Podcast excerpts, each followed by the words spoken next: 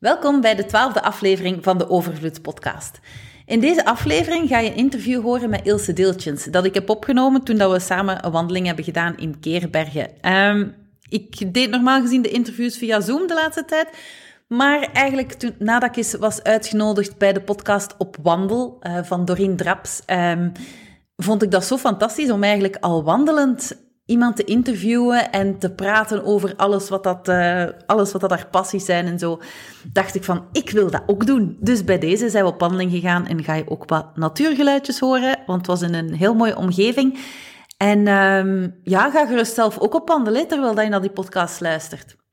Maar dus, het was een interview met Ilse. Uh, Ilse Deeltjes is een krak met cijfers en dat is ook de reden waarom dat ik haar geïnterviewd heb. Uh, zij helpt jou eigenlijk die cijfers moeiteloos begrijpen, zodat je direct duidelijk hebt waar dat je aan kan gaan werken. Ze zegt zo van, dat je weet aan welke knoppen dat je moet draaien om jouw business te optimaliseren, zodat jij er ook beter van wordt. Want ja, we kennen allemaal wel die valkuil van veel je onderneming te gaan investeren, waardoor dat er weinig of niks overblijft voor jezelf aan het einde van de rit.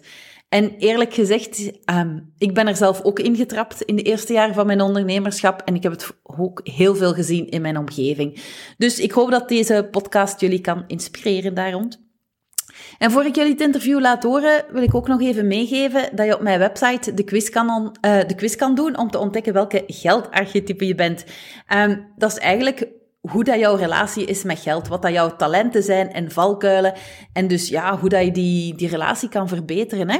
Nu, dat is volledig gratis en um, je kan het dus doen op mijn website op www.celintijdgat.com slash quiz. Dus ga gerust eens kijken. En verder, veel plezier met het interview. Hey, hey, hey, welkom bij de Overvloed Podcast. Ik ben jouw host, Celine Tijdgat, en ik begeleid ondernemers die het hebben van geld als stressvol ervaren zodat ze van hun geld kunnen genieten door hun geldtype te laten ontdekken en hun leven en onderneming daar ook op af te stemmen. Zodat ze meer kunnen gaan genieten met vertrouwen in de toekomst. In deze podcast ga je mij vaak over die types horen spreken, als ook over overvloed, geld en onderneming. Hey Ilse, tof dat je mee wilde wandelen. Hey, dag Celine. Ja, graag gedaan. Ik ging heel graag op je uitdaging in, want je weet, ik ben een sportief type. En als je dan balletjes kunt doen, samen wandelen, dat is echt cool, hè? Ja, dat is wel. Dus um, ja, en het was ook normaal gezien niet van plan om te gaan wandelen. We gingen het gewoon via Zoom doen, maar dan zeiden van ja, bij mij thuis is het niet stil. Ik dacht van, oh, hoe zalig is dat? Gewoon een podcast al wandelend oppakken. Dus mensen, als je wat omgevingsgeluiden hoort, dat hoort er gewoon bij. Dus ik zou zeggen, pak de podcast met jezelf op wandel en dan zie je maar wat dat ervan komt van inspiratie. Dus Ilse, misschien wil je eens vertellen wie dat jij bent. Ja, wie ben ik? Ik ben uh, Ilse Tiltjes en ik uh, ben financieel ondernemingscoach. En sommigen vragen nu dan af, ja Ilse, maar wat doe jij dan? Ja, ik vertrek inderdaad vanuit een financiële basis. Ik probeer een aantal um, ja, financiële aspecten uit die zaak uit te halen om verdere stappen te ondernemen. En wat, en wat houdt dat dan precies in? Ja, Celine, dat is uh, afhankelijk van business tot business. Maar het, de financiële cijfers die vertellen meestal wel wat er aan de hand is in uw bedrijf. Dus we gaan aan een aantal knoppen draaien om de winst te actualiseren en de winst te verhogen en ook uw cijfers echt te begrijpen. Want uw cijfers die vertellen gewoon wat dat je moet in uw bedrijf gaan doen om verder te groeien, om verdere stappen te zetten.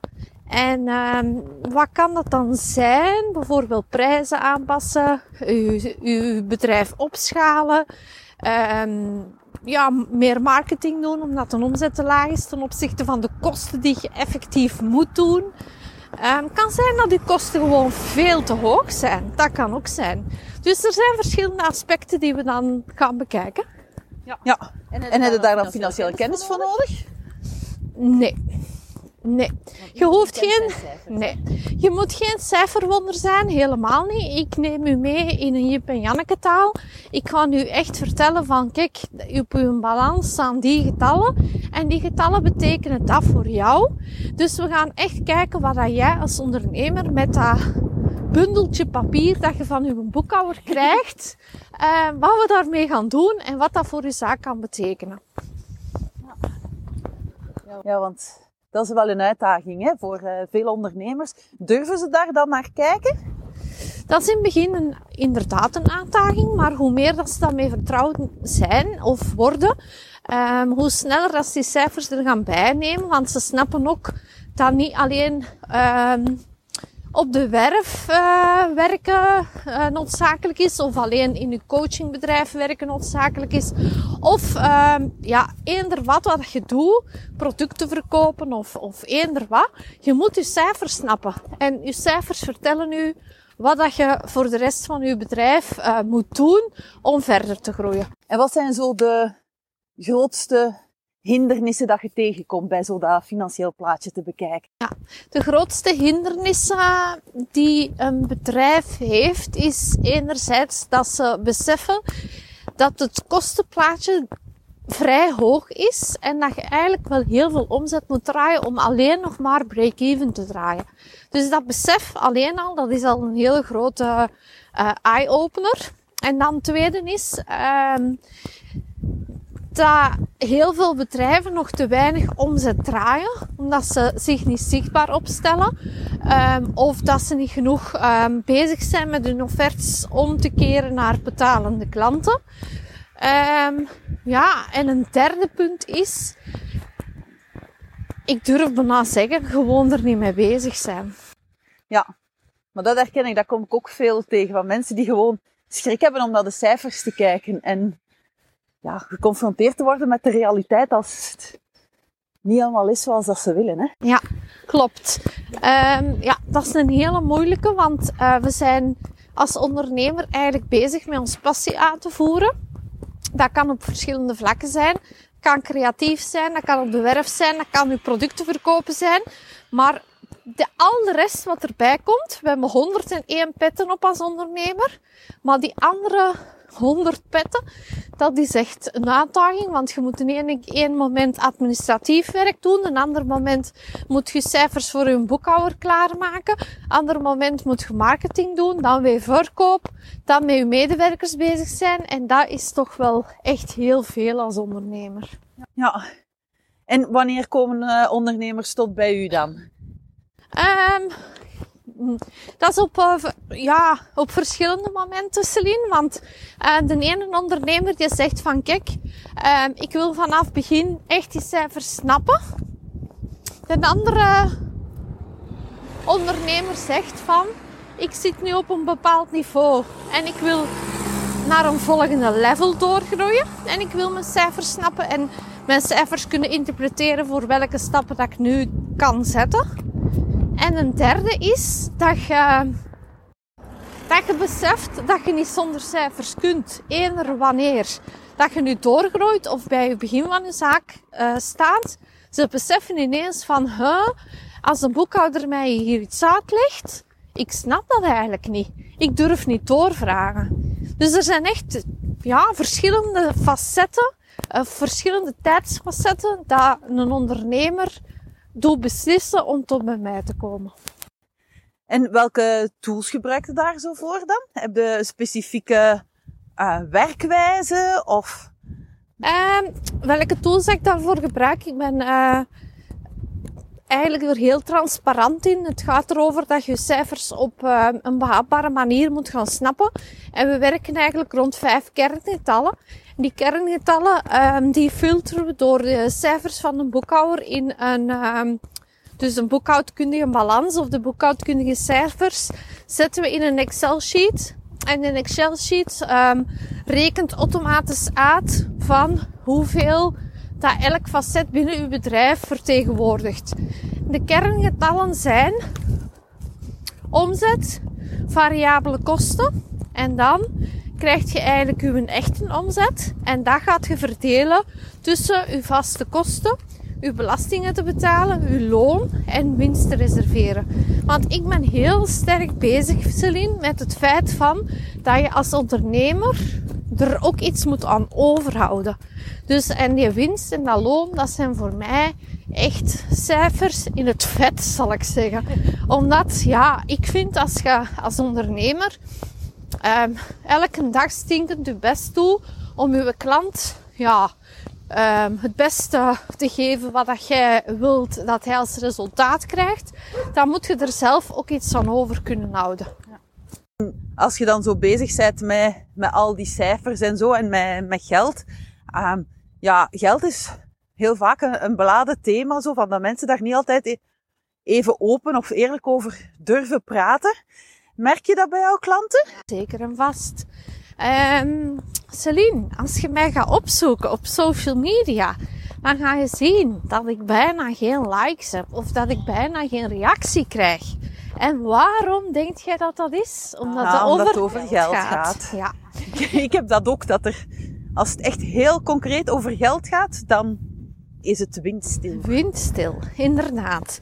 En um, dus ja, dat is toch nog wel een dingetje. En ik durf toch wel te zeggen dat ons Vlaams landschap daar nog werk aan de winkel heeft. Want uh, als we dan in Nederland gaan kijken en uh, we gaan dezelfde topics aansnijden, dan, uh, dan ziet je uh, de comments vollopen.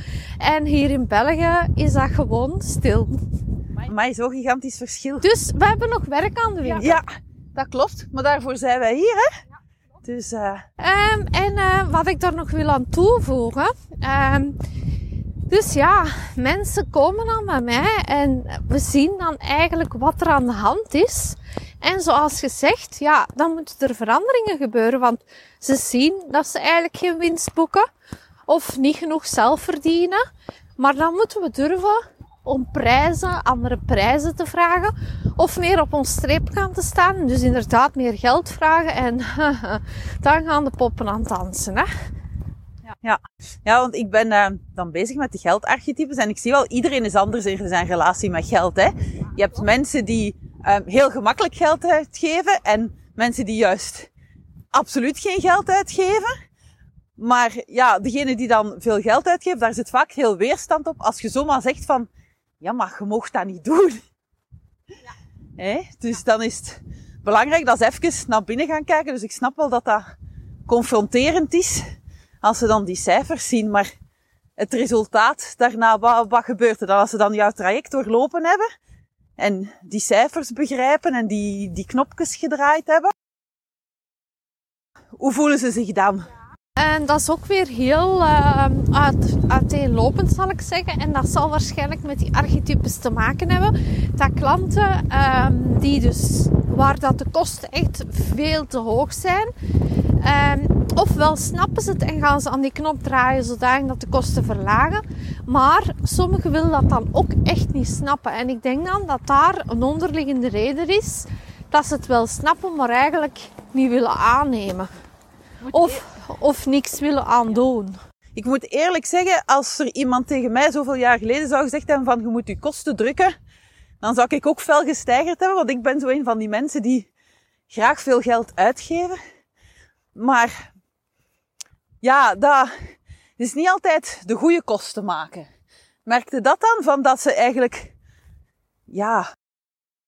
Ja, ik snap u helemaal, Celine. En ze gaan eigenlijk privékosten mee in hun zaak steken. Of um, wat ik ook heel vaak zie, is dat ze uh, kosten maken waar dat ze in die fase van dat bedrijf helemaal nog geen noodzaak uh, toe doen. Dat dat er niet toe doet op dat moment. Je moet altijd kosten maken in de verhouding waar dat je bedrijf op dat moment staat. Je moet geen website bouwen van 20.000 euro, wat, wat een hele goede website zal zijn, wat SEO in orde is. Maar dat dient niet voor een bedrijf dat maar 100.000 euro omzet draait, bij wijze van spreken. Ja, dus je moet elk in verhouding zien. En uh, dat is iets wat, dat we, wat ik toch ook vaak zie dat er te veel geld wordt uitgegeven aan een fase in uw bedrijf wat totaal niet in verhouding is met de fase waarin uw bedrijf omzetmatig zit. Ik pleit schuldig. Um, nu niet meer, omdat ik ondertussen veel meer bewust geworden ben daarvan. Maar ja, zoals ik zei, ik geef graag geld uit en dat was zo, ja, eigenlijk als afleidingsmanoeuvre van, ja, verkopen is een beetje eng. Dus weet je, ik ga gewoon een cashike website bouwen waar dat ik mag gaan stralen en een fotoshoot boeken en zo van die dingen. En het was wel geen 20.000 euro, want het was niet in verhouding met wat ik verdiende. Ja. En dat is inderdaad de valkuil, hè. Maar uh, En ook wat een heel grote valkuil is qua geld uitgeven, is dat we de entiteiten tussen ons privé ehm, bedrijf, zal ik zeggen, en ons vennootschap of uh, de eenmanszaak, uh, dus privé en bedrijf niet gescheiden houden.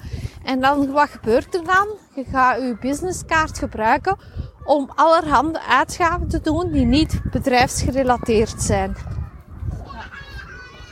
Ja, ik krijg ook vaak uh, de opmerking van ondernemers dat ze eigenlijk uh, niet weten hoeveel geld dat ze echt hebben, omdat het, ja, soms hebben ze dan wel een aparte rekening, maar dan is het zo een beetje verstrengeld, maar soms hebben ze gewoon geen aparte rekening, omdat als een manszaak is dat niet verplicht.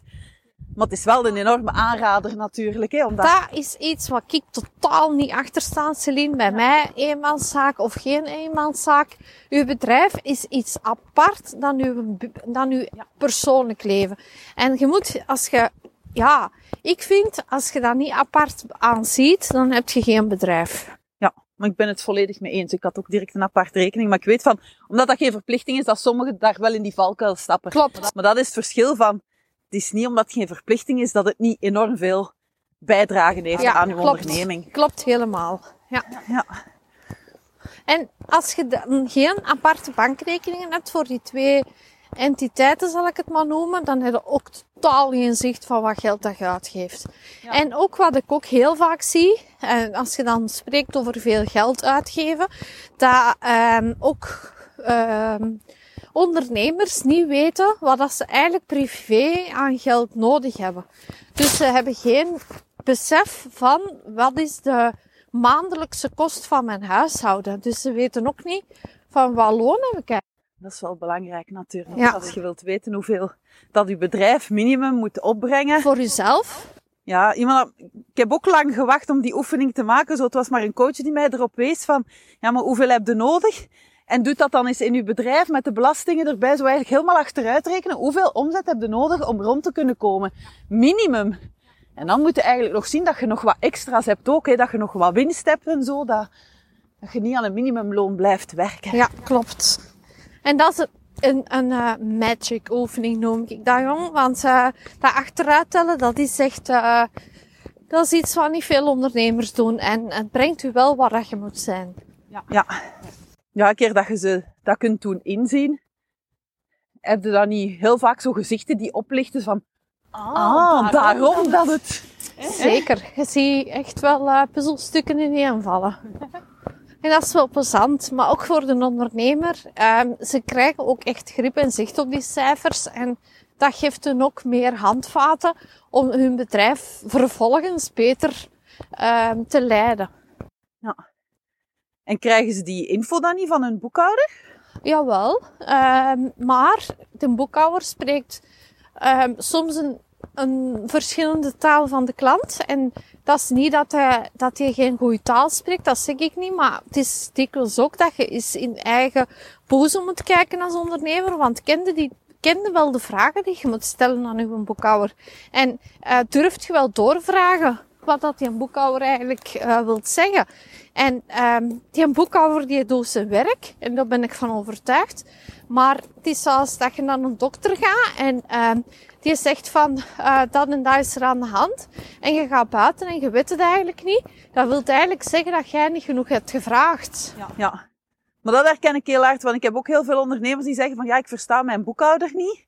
Maar dat ze eigenlijk, als ik, of ze zijn niet content van hun boekhouder. Maar als ik dan zeg van, de, um, als je wilt veranderen, ga zeker eens met verschillende boekhouders praten. Maar daar zit er ook nog heel veel schrik op. Zo, omdat ze inderdaad het niet genoeg kennen. Ik denk dat dat een mooie aanvulling is met wat dat jij doet, van dan kennen ze. En ik vermoed dat ze dan daarna ook meer communicatie met een boekhouder Maar hebben. ik vind ook dat sommige ondernemers te veel van hun boekhouder verwachten.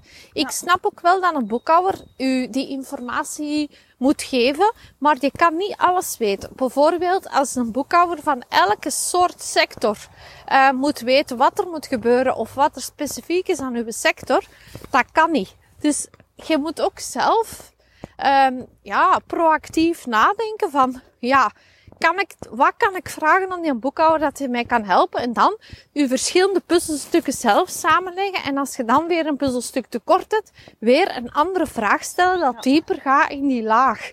Om u een voorbeeld te geven. Um, Mijn uh, boekhouder, toen dat ik de, zelf met deze coaching business startte, toen uh, zei ik tegen mijn boekhouder van kijk, ik ga investeren in een coach. En uh, ik zei de investering en die viel van zijn stoel en die zei van jong, dat gaat het toch niet doen?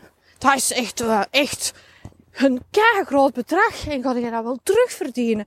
Ja, nee, ik raad dat wel af. Zo, nee, dat gaan we niet doen. Terwijl ik dacht van, huh? Ik kan dat helemaal terugverdienen. Waarom zou ik dat niet doen?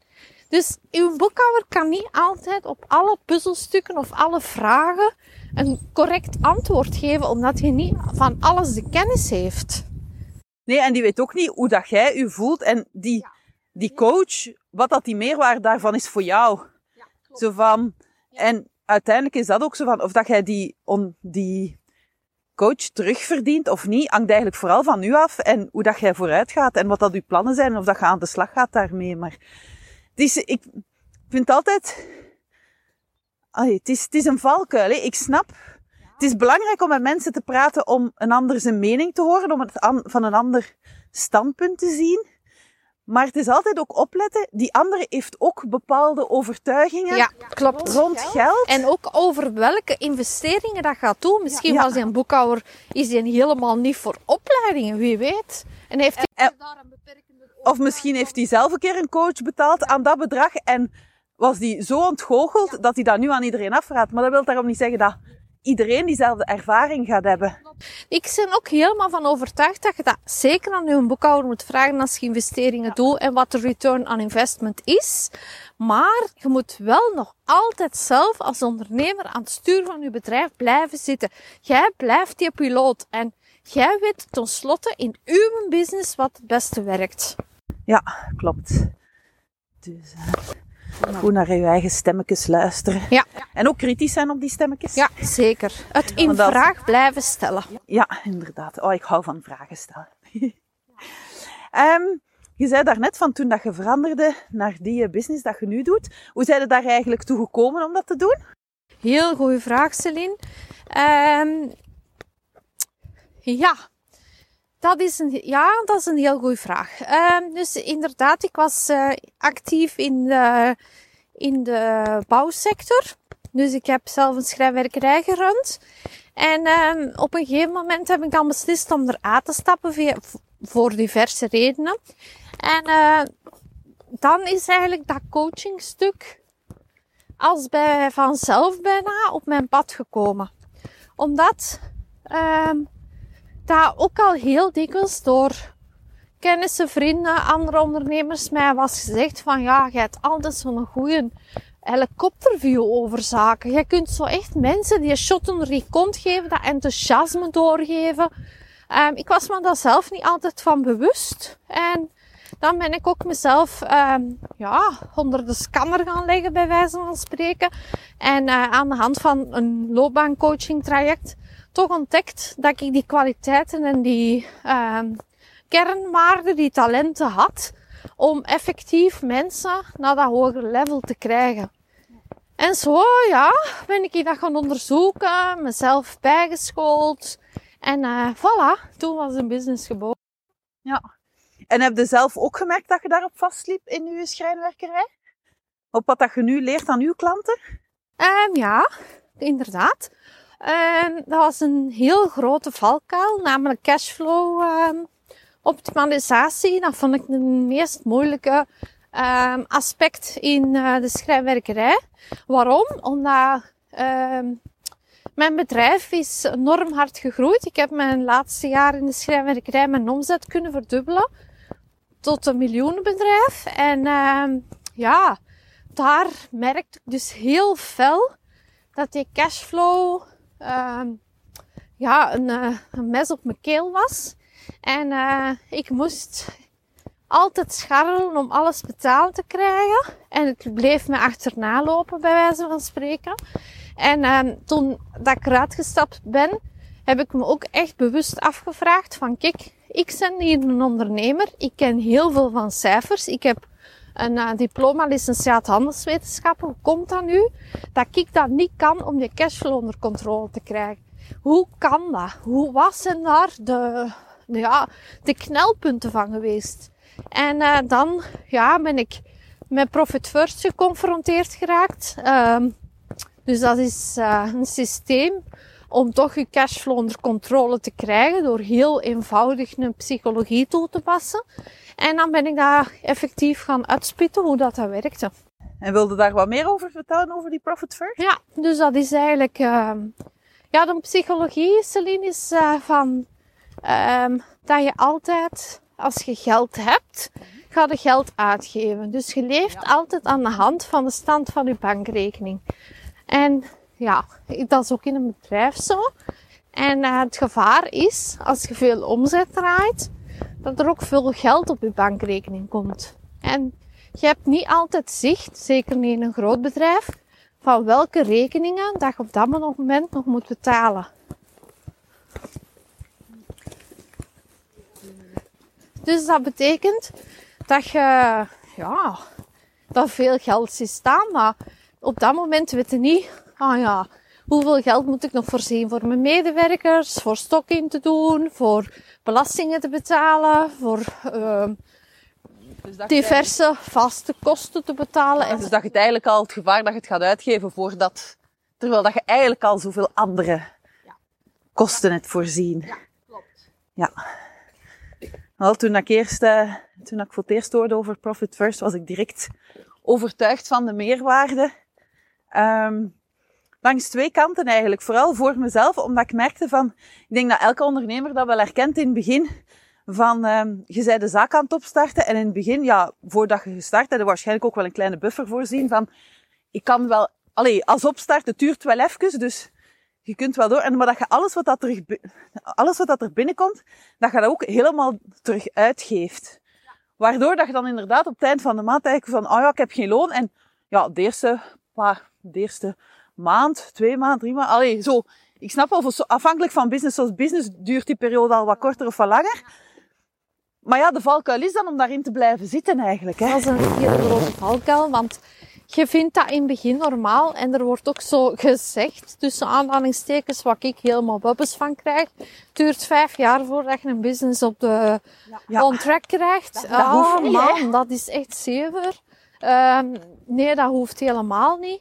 Maar we zijn er dan ook zo mee vertrouwd dat dat dan kan. Ja, bij mij nee, dat kan niet. Um, als je als ondernemer start, oké, je hebt een buffer gestart. Maar het is nog altijd belangrijk om daar geld uit te krijgen. En um, ja, daarom moet je heel goed snappen waar dat je cash allemaal naartoe gaat. En waar dat je toch wel kunt zien dat je zelf niet vergeten wordt in dat verhaal. Ja, maar dat is iets waar dat, ja, jij het daar net eigenlijk ook over gehad. Dat zelf ervaren ondernemers soms nog mee struggelen, zo met, met zo van, ja, dat er echt nog genoeg loon is en eventueel ook wat winst, hè, want profit first gaat ook uiteindelijk over niet alleen loon, maar ook winst te halen uit je bedrijf.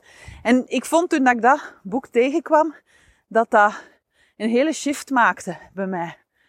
Van, allee, ik ben ook economisch geschoold en zo, dus de cijfers en de boekhouding, ik heb ooit nog als accountant gewerkt, dus ik snapte dat wel allemaal, maar ja, gewoon het technische, maar niet wat dat als impact had op ondernemer. Ik heb dat serieus onderschat en door dan meer te weten te komen over Profit First, heb ik echt een mindset shift gemaakt van, dat moet hier opbrengen en ik moet zorgen dat ik, ja, eerst voor mezelf zorg. Want als jij als ondernemer uitgeput bent, ja, dan raakt het ook niet ver. Hè? Of als je moet schraben om de rekeningen te kunnen betalen. Dat, geeft, dat, is, dat klopt niet. Dat klopt echt niet. En uh, dat is wat we nog veel te veel uh, horen en zien. Maar niet alleen dat, ook uh, ja, dat je dan op het einde van de rit wel um, winst hebt geboekt. En dan weet je dat dan pas ook op het einde van de rit, wat ik al helemaal um, zot van draai. Maar um, die winst, waar is die dan? En daar moeten we veel meer, meer mee bezig zijn. Ik denk dat ook, ja, het is inderdaad het feit van dat je die niet, niet ziet. Uw boekhouder vertelt u dat dan, dat je winst hebt. Maar ja, ja uw cashflow loopt niet goed, zoals dat jij al had meegemaakt. Ja. Um, en ook dat er eigenlijk vanuit de maatschappij zo een beeld is van de ondernemer, die heeft het zwaar en die, ja, of, oftewel heb je heel succesvolle ondernemers zoals The Sky is the Limit, ofwel zijn een ondernemer die bijna failliet is en die ja, alles bij elkaar moet schrapen om te overleven. Terwijl dat zijn zo twee extreme, maar het, nee. Maar misschien moet ik nog even inhaken op het feit van ehm die ehm cashflow. Ehm wat je natuurlijk wel ziet, nu dat je dat, de sky is the limit even vermeldt. Ehm als je een snel groeiend bedrijf bent en je hebt inderdaad succes, ehm dan is het wel een uitdaging zo, om die cashflow onder controle te houden. Want je moet altijd blijven investeren in je groei. En dan is het heel belangrijk dat je je cijfers heel goed snapt. Want um, het is belangrijk dat je niet te snel groeit. Want anders gaat dat, ja, die cashflow eigenlijk verkrachten. Dat heb ik ook gemerkt bij uh, een paar ondernemers. Uh, dat ik dat zag van dan die eigenlijk een vliegende start maakten. Maar dan eigenlijk na een jaar of twee jaar, dan kwam die cashflow een inhalen. En dat ze dan eigenlijk ineens in grote problemen zaten, omdat ze daar niet genoeg ja, op zaten. Dat klinkt nu zo te verkrampt, maar je moet er wel mee bezig Ja, zijn. klopt. Ja. Ja, ik ben ook heel erg ja, voor bewustzijn van wat dat je hebt. En ik heb, waar dat ik um, altijd vragen bij had, bij uh, Profit First, is um, als je wilt groeien, je moet investeringen doen, maar je hebt niet altijd, allee, uh, je kunt wel geld aan de kant zetten, maar vaak is dat eigenlijk dat je eigenlijk moet investeren voordat je al dat geld hebt. Voordat het terugkomt. Hoe, hoe gaat het daar mee om? Mee op? Um, ik zeg altijd van, um, je moet ergens een wisselwerking krijgen door um, eigen geld te gebruiken en geld gaan lenen. En die een balans moeten ergens vinden. en dat kun je alleen vinden uh, met try and error zou ik zeggen, maar die error laat het dan best zoveel mogelijk achterwege. maar, Daar je dan een coach, Ja, maar uh, het is voornamelijk het snappen van je cijfers en weten waar je mee bezig bent. En ook weten, um, als je investeert, hoe snel kun je terugverdienen en hoeveel omzet staat dat tegenover. Ja. ja. Maar ook weer niet denken van, ah ja, dat is die een omzet en dan... Um, niet genoeg investeren om die prospecten die ten omzet moeten maken, uh, te kunnen verzilveren. Dus het is, het is eigenlijk een spel van, uh, van cash in en out, zal ik zeggen. Um, maar dat spel moeten snappen. En ik denk dat je altijd moet, nee, ik denk dan, ik ben ervan overtuigd, als je investeert, dat je niet je cash mocht opbranden. Dus ja. um, ofwel ga er inderdaad voor sparen, zoals jij al aanhaalde, en dat kan. Maar je mocht ook, je moet ook durven gebruik maken van externe gelden. Ja, ja. Maar je moet wel weten hoe dat je dat dan omzet naar een succesverhaal.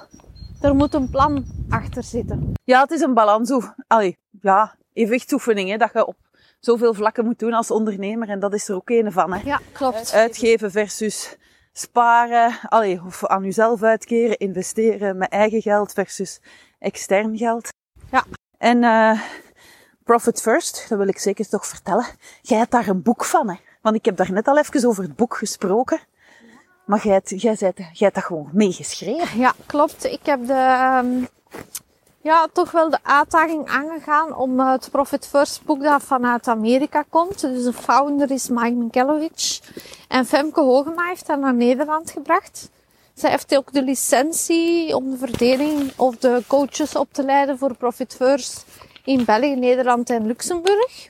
En, maar ik had zo nog iets van, ja oké, dat is allemaal wel gewoon wel, maar uh, Vlaanderen heeft toch andere normen dan Nederland. Dus uh, de, de, Vlaamse ondernemers stonden zo'n beetje in de kou. En die heb ik dan uh, onder mijn hoede genomen door het boek um, te herschrijven naar Vlaamse normen. Dus en in maart 2020 um, is dat dus op de markt gekomen.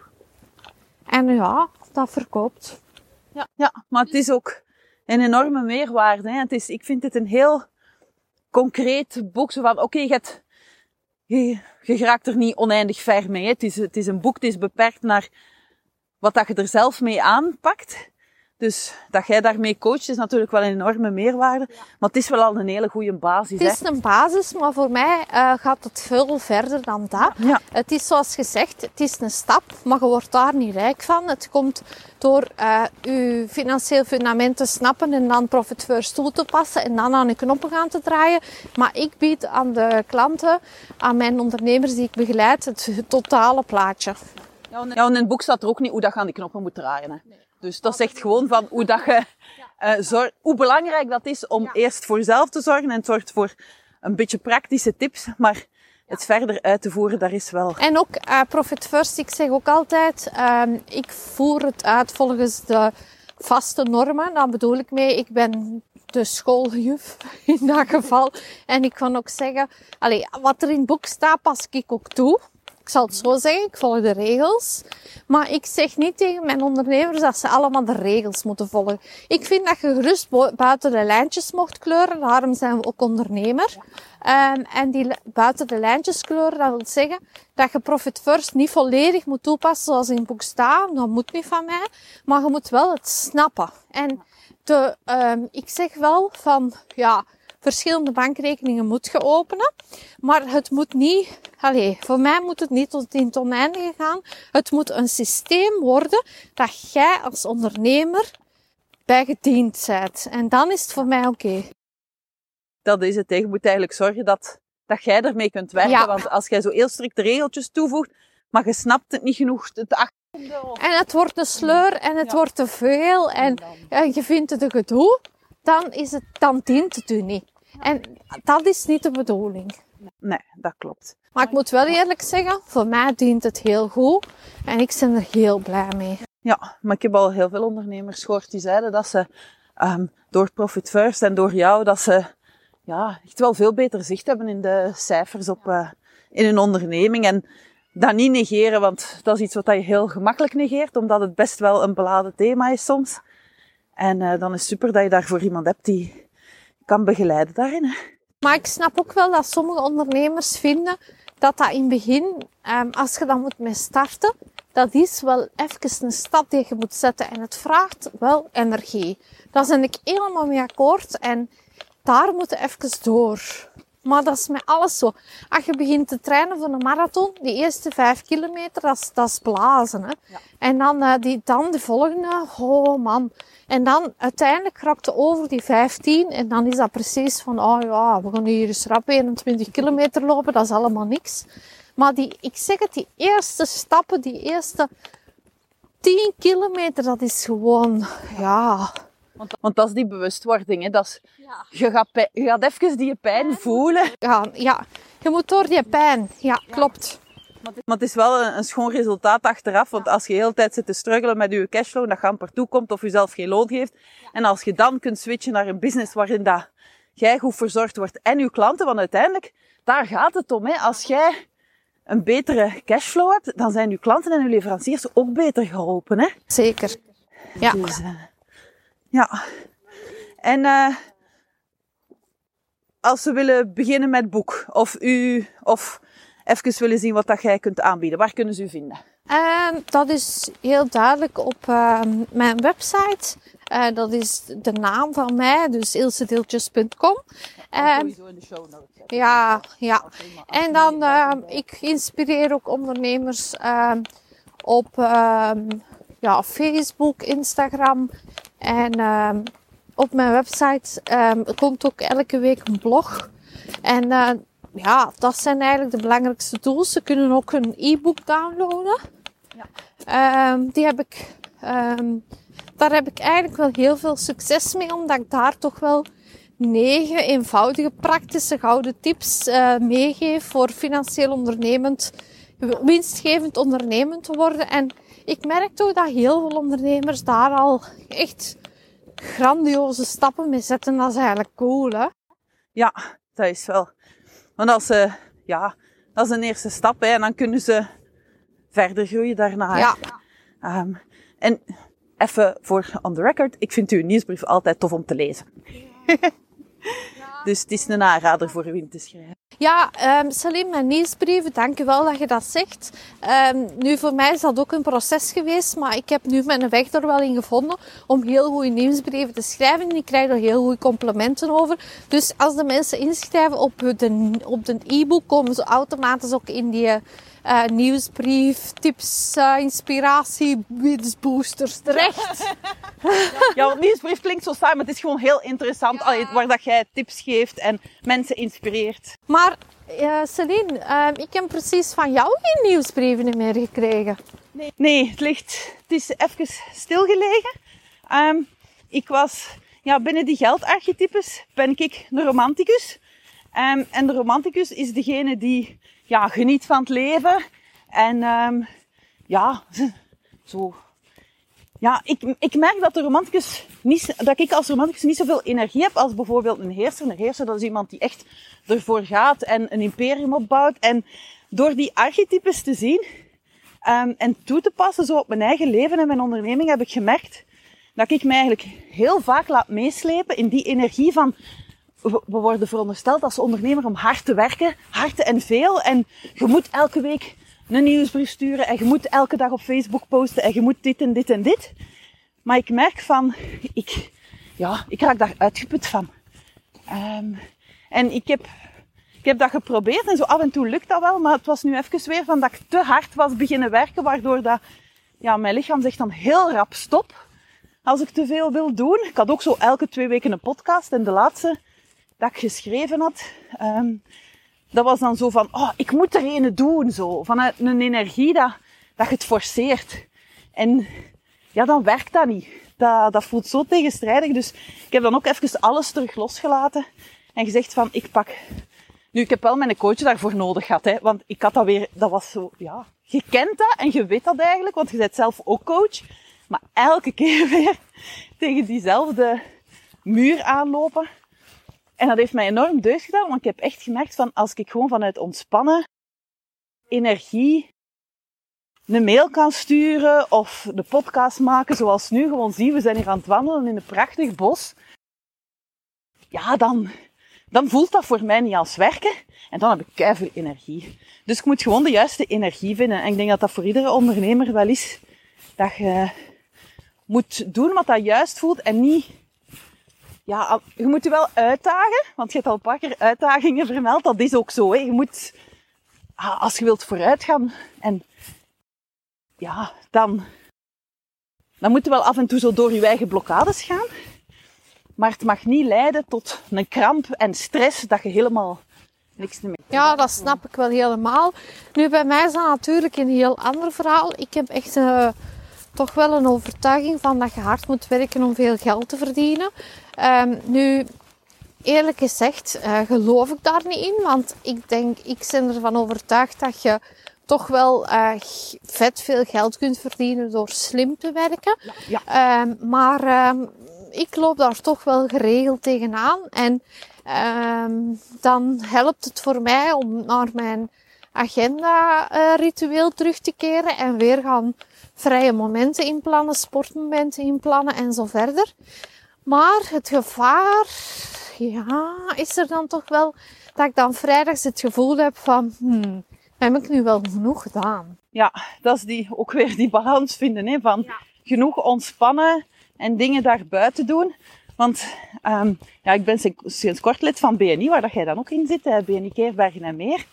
En daar werd ook zo gezegd van, ja, als je tijd hebt, want er komen soms wat dingen bij, zodat we gaan doen. En um, ik weet niet meer hoe dat kwam, maar iemand zei zo van, ja, want iedereen heeft toch al lange dagen.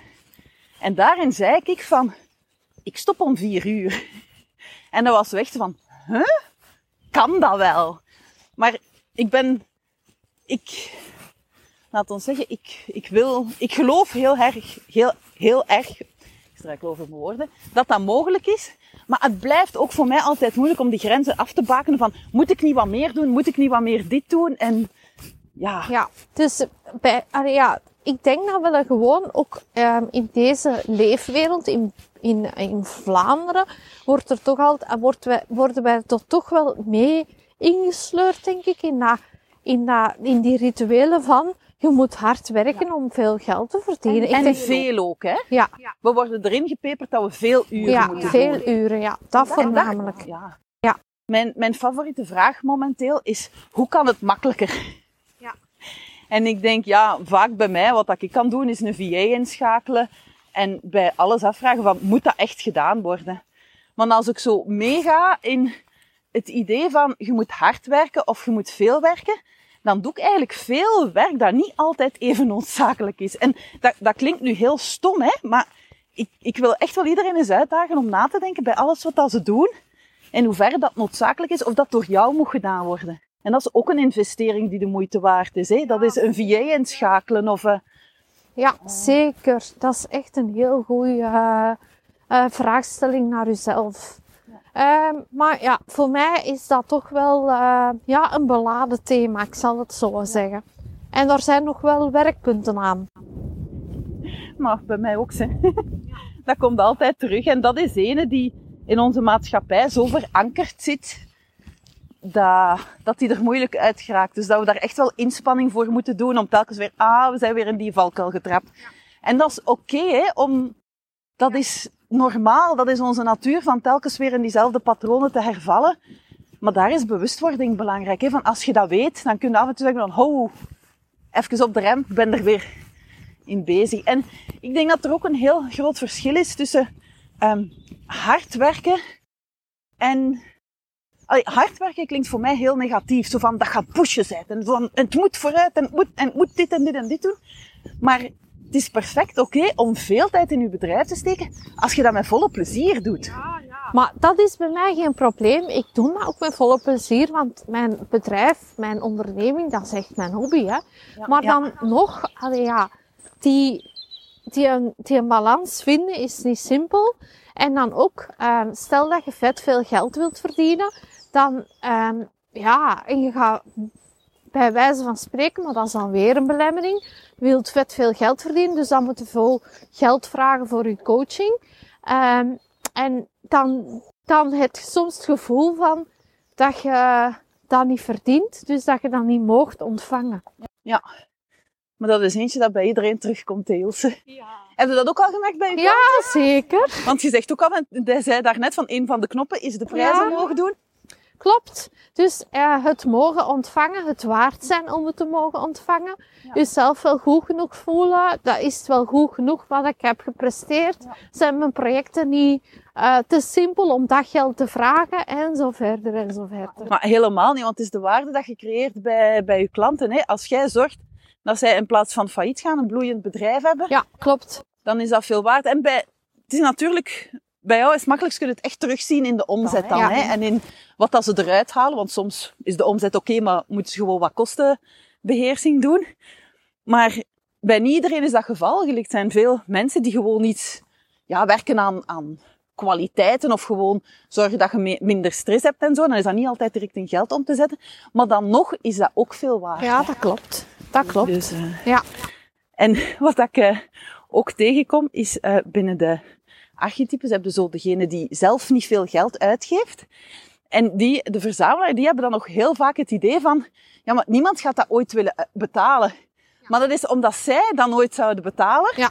En ze zitten met hun eigen overtuiging van, ik zou dat geld daarvoor niet geven, dus mijn klanten gaan, ik ga nooit klanten vinden die dat wel willen doen. Ja, klopt. Maar je hebt dus mensen die echt wel bereid zijn om, ehm, om te investeren en om wel dat te geven aan uw product of Ja, dienst. klopt, helemaal.